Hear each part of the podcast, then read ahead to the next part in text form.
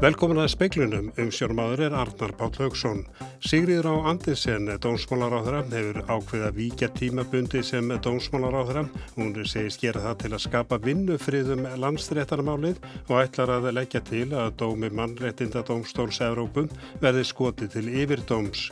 Ríkisráðsfundur verður haldin á morgun til að ganga frá ráðræðarskiptum.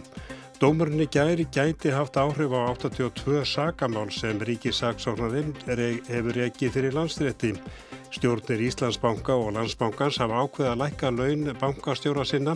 Bankasíslan upplýsti fjármálar á þeirra um þetta í dag.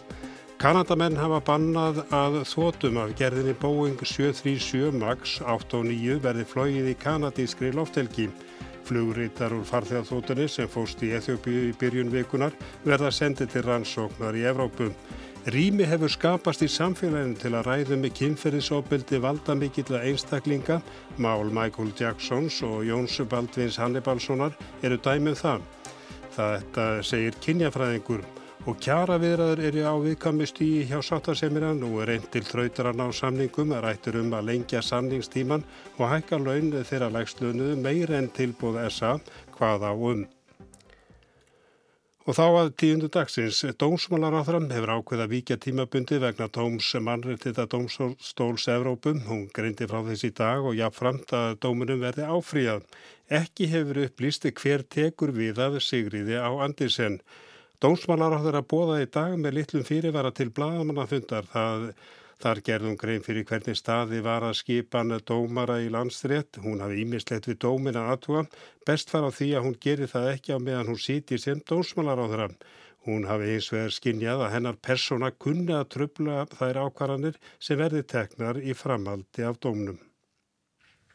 Og í því ljósi að þá hef ég ákveðið að stíga til hliðar til þess að skapa vinnufrið uh, næstu vikurnar uh, sem að verða uh, það sem einhverjum spurningum og einhverjum áleitafnum verður svarað. Og, og leggja það til að það verði hér að þessi dómi verði skotið til yfirréttarins. Og það verður þá, verður þá í höndum annara að að eh, vera í fyrirsvari fyrir dómsmálaráðandið og meðan að, meðan að þeir, því máli vindur áfram. Ráþur að talaðu um að hún myndi stíga til hlýðar í nokkrar vikur eða þar til málið er til líkt að leitt. Hins vegar hefur komið fram í dag að óljóst er hver langan tíma það munu hugsalega taka. Í þinghúsinu funduðu þingflokkar stjórnaflokkana og frettinnar um afsögnar á þeirra bárust þangað. Katrín Jakobsdóttir, forsættisar á þeirra, sagði forgangsmál ríkistjórnarinnar að tryggja störf landsréttar. Það líkur sömulegis fyrir að það líka fyrir allmargar kröfur um að önnur mál fari sömu leið Þannig að stærsta forgangsmál stjórnvalda núna er að tryggja hér réttaröryggi, tryggja vinnufriðum starfsemi domstóla og það er mjög mikið vægt að það veri gert með markasum hætti á næstu uh, dögum. En kom þingflokkur Vafgi því til skila til sjálfstæðismanna að dómsmálar á þeirra nýta ekki trösts Vafgi? Ég stýð ákvörðun ráþarans sem hefur ákveðið að stiga til þér til að tryggja vinnufrið um þetta mikilvæga mál og þannig axlar hún ábyrð á því að það sé hægt að leiða það til lykta með eðlum hætti. Uh, þannig að ég stið þessi ákvörðan ráðurans Sendu ykkur slík skilabóð?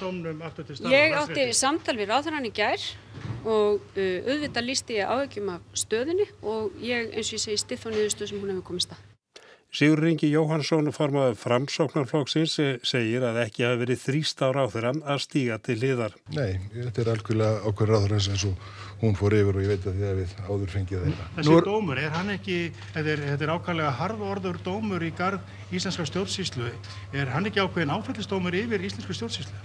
Já, hann er allavega hann að fordæmalös og þess vegna kallar það á það að að honum verði áfríað vegna þess að það hefur komið fram meðal annars í máli fósetta domstólsins að, að þetta geti haft áhrif á, á, hérna, á aðrar Európa-þjóðir. Bjarni Bendisson, formadur sjálfstæðisflokksins, var líka spurður um hvort þrýst hefði verið að ráþarann að stíga til hliðar. Nei, það er nú ekki rétt að segja það. Um, við hins vegar uh, höfum settið saman og, og metið stöðuna og þörfina fyrir um, að gera það sem við getum og það sem okkar valdi stendur til þess að uh, draga úr óvissu og uh, Sigriður stígur þetta skref, mér finnst það mjög virðingavert. Ég hef staðið með Sigriði Andersen í, í hverju skrefi sem hún hefur tekið þessu máli fram til þessa og, og greiti atkvæði gegn vantrösti á hana og uh, verða að segja að þessi niðurstaða sem kemur auðan er, kemur manni mjög í opna skjöldu. Ekki verið upplýsti hver tekur við sem dónsmálar á þeirra. Bjarni Bendisson segir að tveir valkostir komi helst til greina. Uh, og ég rætti það í þingflokki okkar áðan. Það er að segja að við fáum annarkort einhvern ráð þeirra á ríkistjórnunni til þess að gegna ennbættinu nú eða þá að það kæmi einhver úr þingflokki sjálfstæðarflokksins í uh, stólu dónsmálar ráð þeirra. Þetta var Bjarni Bendisson. Ríkisránsfundur verður haldin á morgun til að ganga frá ráþeira skiptum með Sigriður á Andisen þarf að byggjast lausnar til að nýr ráþeira verði skipaður. Þar með verður hún orðin fyrirverandi ráþeira og getur því aðeins núi aftur í ríkistjórn að sjálfstað ákvörðun verði tekin um það.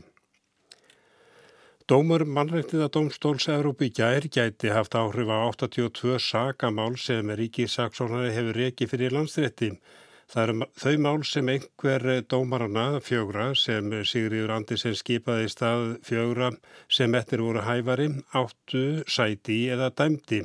Þetta segir Sigriður Fríðanstóttir ríkisaksóknari í skriflegu svari við fyrirspöld fréttastofum. Hún segist ekki frekar en aðrir hafa svarið því hver áhrifin á dómi af dómi marginta dómstólsins verði á þessi mál. Þetta er að segja að dómurum mannriðtað Dómstóls Evrópi í gær hafi sett starfa landstréttar í uppnám. Dómurinn ákvaða skell í lás og hveða ekki upp neina dóma í vikunni.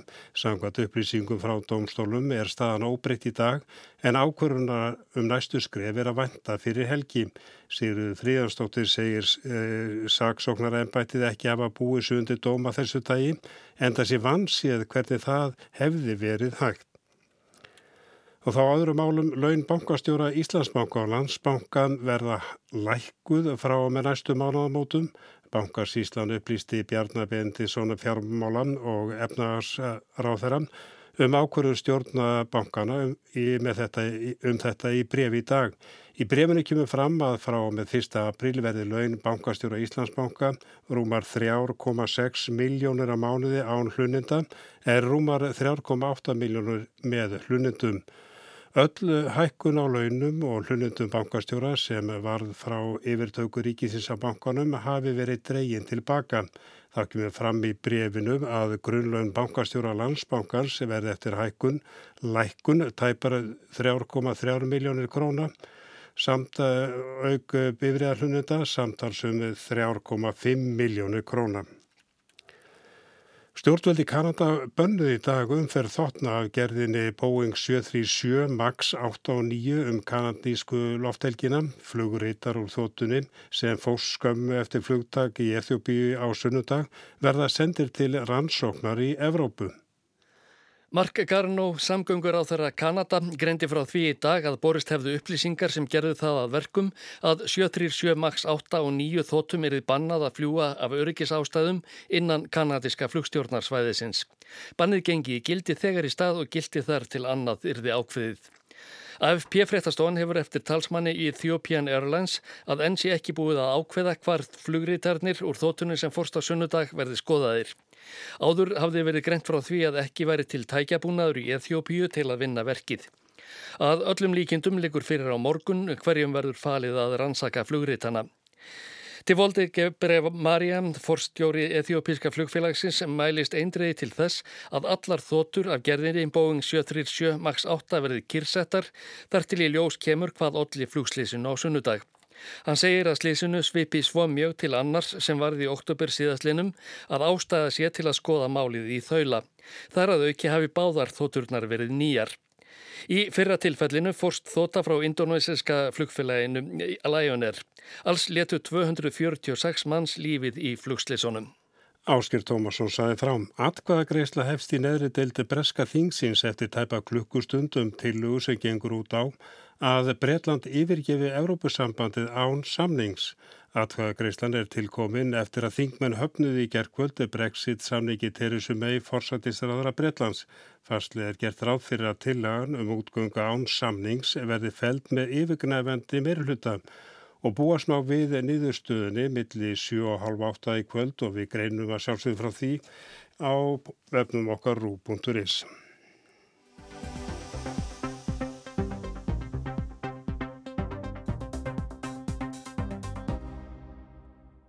Allt kappi virðist nú vera lagt á að reyna til þrautaran á kjærasamningu við félögin sem er í viðræð við samtök atunlífsins. Viðræðunar eru þó á mjög viðkvæmu stýjum. Eitt af því sem rættir um er að lengja samningstíman um nýju mánuði og bætum leiði í launahækkanir þeirra sem hafa lægstu launin. Klukkan tífar og það stýttist í að verkvallsaðgerir hefjist en nú er aðeins fimm dagar þar til fyrsta örverkvall eða vinnutröflun eblingar hefst. Svo fyrsta er kannski ekki áhrifamikil. Hún felsti því að frá næsta mánuði 18. mars til 30. april sinnir hótelstarsfólk og rútubílstjórar einungist þeim verkefnum sem hveður áum í starfslýsingu þeirra eða með öðrum orðum að engu öðru verður sinn. Frá 18. mars dreifa stræt og bílstjórar hjá kynnisferðum kynningarefni frá eblingum ef þess er þörf og þeir fylgjast ekki með því hvort farþegar greiða fargjöld. Örverkvöldun stig magnast og í því felsta tilteknum störfum verður ekki sinn. Ef samningar takast ekki fyrir 27. apríli sinna hótelþernur ekki klósett þrifum, þrýf ekki samveilit rými, takk ekki til í herbergjum þar sem ennuru gestir, vinna ekki við morgunverðin og þó ekki þvott. Aðgeri hjá strætu og rútubílstjórum stigmagnast líka þegar, þegar og ef álýður frá 7. april mæta rútubílstjóra til dæmis ekki vinnu fyrir hátegi. Aug þess bresta staðbundin verkvöldla á 22. mars eftir tíu dagan. Félagsmenn bæði vaffer og eblingar á 40 hótelum og rútubílstjórar leggja þá niður vinnum. 28. mars er búið að tveggja daga verkvöld og loks verða fjögur þryggja daga verkvöld. Verkalýsfélagin Ebling og Vaffer og félagin á Akarnes og í Grindavík slítu viðraðum 21. februar. Frá þeim tíma hafa þau verið með huga við verkvælsbóðanir. Einn sáttafundur var í síðustu viku sem sáttasjæmira var skilt að bóða. Aftur á móti hafa nánast daglega verið viðraður við innaðamennu, starfskrinnarsambandi og landsamband Veslunumanna í rúmar þrjár vikur. Leindi kvílir yfir þessu viðraðum því sáttasemjari hefur sett samningamenni fjölmilamann. Viðræðunar er á viðkvæmu stígi. Samkvæmt heimildum speilsins er enn verið að ræða eða reynað útferra hugmyndir SA um breytingar á vinnutíma. Ekki rægt að fullera hver niðurstaðan verður. Megin atriðin eru enn að kaffitímar verði feldir niður, vinnuvikan stitti sem því nemur og kannski rétt rúmlega. Að unnum dagvinnitímum á mánuði fækkjúr 173 í 160 tíma sem fyrir líka verið að tala um að lengja dagvinni tíðanbilið og í því sambandi rætt um að það verði frá 7 að morgunni til 18. Með styttingu vinnuvikunar myndi ála á yfirvinnutaksta lækka sem helgast að því að sömu laun eru greitt þrátt fyrir styttingum. En það líka rætt um að hækka tilbúð SA sem félögin sem nú er að undurbúa verkvöldu höfnuð eindreið. Það var til þryggja ára að mánuðalögn undir í 600.000 krónur myndu að hækkum með 15.000 krónur árlega og mánuðalögn þar yfir hækkuðum 2,5% árlega. Þeir sem er á takstalögnum áttu að fá 5.000 krónur að mánuða auki árlega. Meðal þess sem nú er rætt er að hækka krónutölurnar með því að lengja samninginu um jafnvel nýju mánuði. Sangvað tilbúðinu áttu þeir með lægstu launin að fá að minnstakosti 60.000 krónahækkun á samningstímanum í þremur greislum. Meðal þess sem nú er rætt er að greisluna veði fjórar og í heild 90.000 krónur á lægstu launin. En það stýttist í verkvöld sangvað heimildur speilsins er ekki útlokað að eitt hvert félagana sem nú er á leiði verkvöld semji eða gangi að samningaborðunum án þess að þau gerða öll. Þá er helst talað um að ferr og einnig skagamenn á grindvikinga. Sangvað heimildum speilsins gerist það þó ekki án þess að félagin fjögur, ebling, var ferr og félagin á Akarnes og í Grindavík ræði fyrir saman og beri saman bækur sínar að mista kosti ljóst að næstu daga ráða miklum framvindu viðræðina. Allir ger sig grein fyrir að verkvöld er að bresta á sem gætu haft afleðingar, þá líka tali líklegt að blási veri lífi viðræð við stjórnvöld til að liðka fyrir samningum. Þá eru hafnar viðræð við ofinbæra starfsmenn, samningar þeirra renn út um næstu mánuðamót Ekki hafa verið haldin margir fundir en ljóst er að þær viðræður stjórnast að miklu leiti af framvindinu á almenna vinnumarkaðinum. Ekki maður búast við að alvöru viðræður hefjist við ofinbæra stafsmenni fyrir samningar er í höfn á almenna vinnumarkaðinum. Og við þetta má bæta að félagsminni Vestlunamannafélagi Suðurnesja samþýtt í dag að saminast var ferr, ef að ferr samþykki líka, genguru saminningin í gildi 1. apríl. Það þýðir að félagsvæði var ferr nær þá yfir Suðurnesin þar sem Keflavíkuflugvöllur er staðsettur.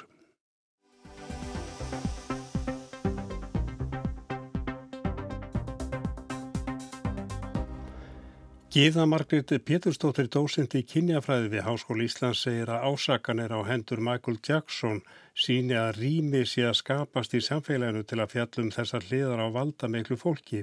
Hún nefnir í, í því sam, samhengi mál Jóns Baldvins Hannibalssonar. Setni hluti myndarinnar um Michael Jackson verður á dagskrárúf í kvöld. He was at the peak of his creativity and he was at the peak of his success. When everybody wanted to meet Michael or be with Michael. He was already larger than life. And then he likes you. Svona byrjar fyrir hluti heimildamyndarinnar um tíndu drengina í Kverkilandi sem síndur var á mánudaginn. Drengirnir Veit og Safechuck sem kynntust Jackson fyrst þegar þeir voru 7 og 10 ára eru nú fullornir menn. Þeir segja að Jackson hafa verið gætan miklum personutöfurum, vakið aðtikli allstæðar, allir hafi viljað hittan og vera með honum. Hann hafi verið góður og blíður og hafi beitt á kynferðislegu ofbeldi. Gíða segir að þegar að mála af þessu tægi koma upp sér tilneying til að gera skrýmslur gerandanum og líta svo á að hann eigi engar aðra hliðar en þær slæmu sem byrtast í ofbeldinu sem hann beitir. Það eru þetta svona vafasamt og eins og einmitt þólendur hafa líka bent á og eins og kemur einmitt mjög skýrt fram í myndinni að þá taka báðir Veit og James fram að uh, þeir hafa auðvitað elskað Jackson og Jackson hafi hérna átt sér uh, margar hliðar og einn þessara hliða var auðvitað uh, svo sem að byrtist þeim þegar hann beitti þá kynferðslega ofbeldi. Fólku virðist skiptast í tvær fylkingar. Það eru þeir sem trúa mönnunum og þeir sem trúa þeim ekki. Hversu trúverðugir finnst þér þeir vera? Að því þetta hefur líka verið tengt í mítúumröðuna og nú hef ég á samt, eh, samstagskonu minna Önnudís Rúdólsdóttir mitt greint mítú uh, frásagnir íslenskara kvenna og það sem að kemur svo skýrt fram í þeim frásögnum er uh, þetta að uh, sko reynslan, hún var alltaf til staðar. En síðan uh, skapast einhvers konar umræða og einhvers konar rými til þessi raunin að gangast við þessari reynslu. Og það finnst mér þeir uh, sína svo vel að, og eins og hefur líka verið rætt um að um, það er oft erfiðara fyrir Karla að stíga fram sem þólendur í kynferðsbrótamálum að því það samræmist svo illa hugmyndum okkar um uh, karlmennskuna og svona hlutverk kalla í samfélaginu. Það samræmist illa þeirri hugmyndum að vera þólandi. Annar þeirra hafi ætlað með þessa reynslu í gröfina en umræðan í samfélaginu hafi breyst og einnig hafi þeir síða þetta í öðru ljósi eftir að þeir urðu sjálfur feður. Þá hafi þeir gert sér grein fyrir því að þeir voru ekki samsekir Jackson eins og hann hafi leitast við að telja þeim trúum. Veit og Safechuck hafðu áður þverteki fyrir það að Jackson hefði beitt á kynferðisofbeldi. Gíða segir mikilvægt að hafa í huga hversu valdamikill Jackson var. Hann hafi ekki bara haft rengin á valdi sínu, heldur líka fjölskyldur þeirra að einhverju leiti. Þannig að þetta er svona mjög sambarilegt og kannski gerist bara í fjölskyldunum þegar e, börn eru beitt kynferðisofbeldi. Að þau svona e, leggja sig í rauninni hérna, fram um að bara að gefa sífælti kynna að það sé allt eh, eðlilegt af því að e, þeim hefur verið talin trúum að það muni eitthvað hræðilegt gerast fyrir þau og þá kannski aðra, aðra meðlum fjölskyldunar ef þeir segi frá. Ervingjar Jacksons og harðir stuðningsmenn hafa haldið upp vörnum fyrir hann. En það sem kannski gerir e, frásagnir e, Veit og James það áhrifuríkar er að þeir lýsa því í talsveit miklum smáatriðum bæði hérna hvernig hann beitti það ofbeldi og líka lýsa þér svo afskaplega vel e, svona þessu hérna mikla valdi sem hann hafði yfir þeim og hvernig e, þeir fóri í raun að trúa því að þeir væru í raunni lítið eða ekkert án Ástar Jackson. Eru sko, þetta snýst þá um völd að einhverju leiti, eru við með einhver sambærleg mál eða dæmi hér á landi? Já, sko maður segja hérna kemferðisbrot snúist uh, alltaf einhverju leiti um vald og það sem hefur kannski svona komið upp í huga minn uh, núna síðustu daga er einmitt frásög Guðrúnar Ebbu Ólafstóttur og hún uh, hefur einmitt lísbæði viðtölum og, og bók uh, svona þessu sama ferli. Hvernig gerandin hefur svona e, þetta tangar hald á þólandanum og hvernig sambandið þetta e, er ekki bara, e, enginnist ekki bara af kynferðisbrotunum, heldur líka af annars konar tilfinningum. Sko það sem er kannski áhugavert við þetta mál og það sem við höfum séð svona í sambarlegu málum að því að þetta er nú hérna biskupsmálið og, og kannski það sem við séð líki máli Jóns uh, Baldvins Hannibalssonar er að það virðist nú vera að uh, skapast rými til þess að fjalla um uh, svona valdamikla einstaklinga í samfélaginu. Og það virðist þá vera að skapa svona rými til þess að sjá það að þeir hérna búið þá yfir kannski svona áður óþögtum hliðum sem að samfélagi var ekki tilbúið að horfast í augu við.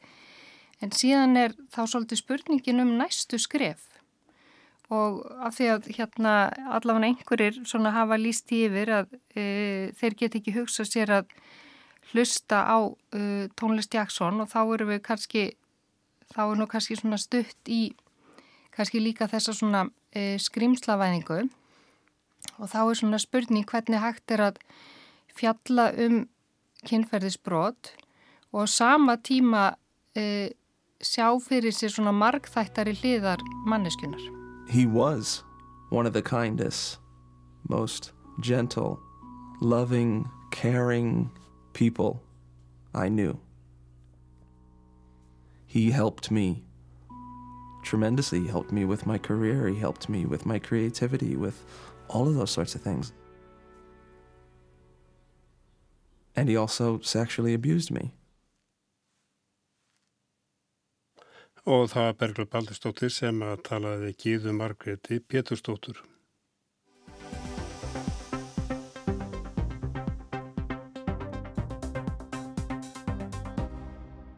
Líf Þordísar Elisabetar Arnarstóttur, tíu ára hreyfi hamlarar stelpu í Kópói, breytist í byrjun þessa mánuðar þegar hún fekk notenda stýrða personlega aðstóð.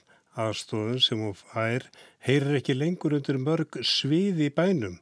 Þar sem Þórdís er barn þarf hún aðstóð við að verkstýra aðstóð á konum sínum. Þá aðstóð færum frá móðu sinni, Guðnýju steinunni Jónsdóttur, Guðni er þá í tvöföldu hlutverki, gagvar dóttur sinni, móður hennar, en líka svo sem á að tryggja aðstofun sem Þórdís fær sé á hennar fórsendum. Mér finnst þægilega að hafa þetta svona þess að núna er þetta meira svona ég ræð og þetta meira bara, þeir eru bara að hjálpa mér. Það var þannig að hún var alltaf með mismunandi stuðning. Hún var með einhvern skólinriði sem var með henn á skólatíma og svo þegar hún fór í frístundir þá var hún með liðveslu.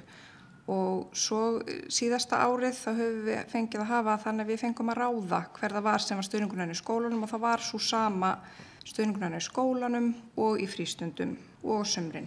Þannig að við vorum komin með svona vísi að MPA, við vorum með eina mannesku loksins sem að var að synda þessu hlutverki en vandamáli var og hún var ráðin af þrejum mismöndi sviðum hjá bænum og þetta skapaði bara óþara flækjur. Síðastliðin ár hefur fjölskyldan stemt af því að fá NPA fyrir Þórtísi. Bærin sað alltaf nei, svo komu laugin og þá kom annar hljóði strokkin. Í haust komi ljósa svo sem hafði aðstóðana í skólanum frá því fyrsta bekk var ólétt og leiði fæðingarólof. Þannig við fórum að vinni í því strax í oktober að fara að fá hérna, NPA-samning þannig að nýjir stuðningur myndi taka þá við á þeim forsendum. En við hvað fær Þórtís hjálp? Sko, í skólanum þá þurfa þær að hjálpa mér að skrifa stundum.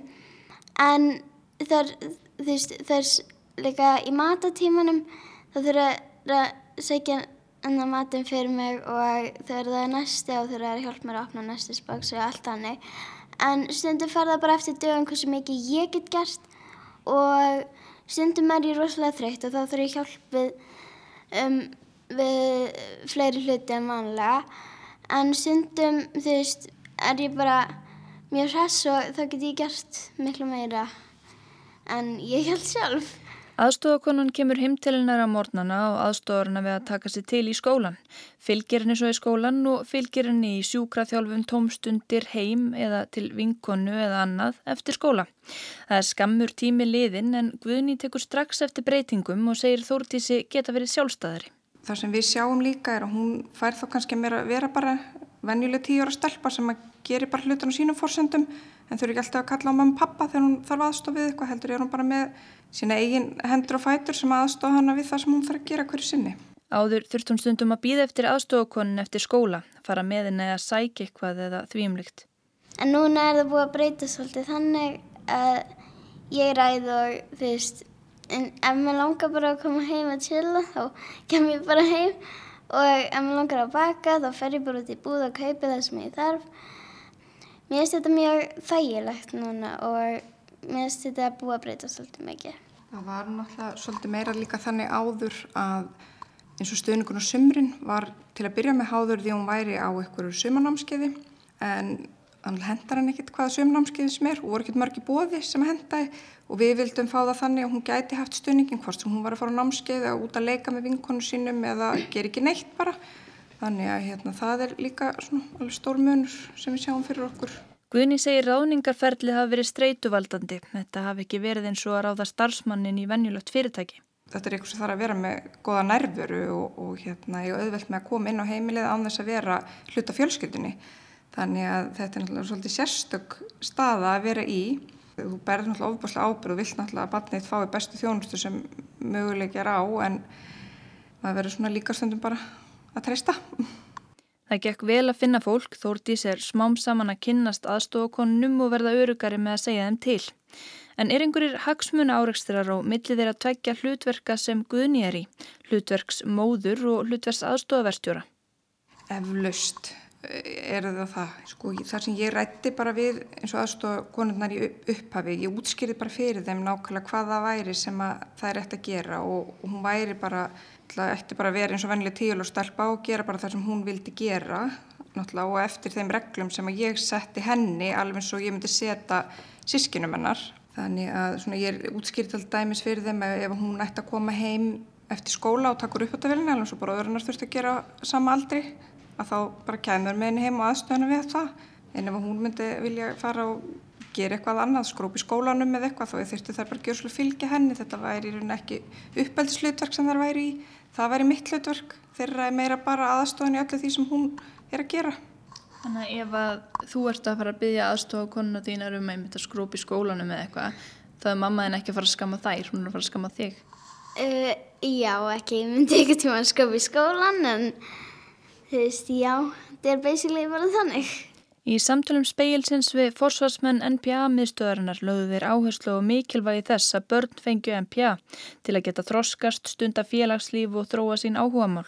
Til NPA-miðstöðarinnar leiti nefnilega oft fullorði fólk sem ekki hafi haft þessi tækifæri og standi á gati þegar það sé spurt hvernig að telja það geti nýtt NPA.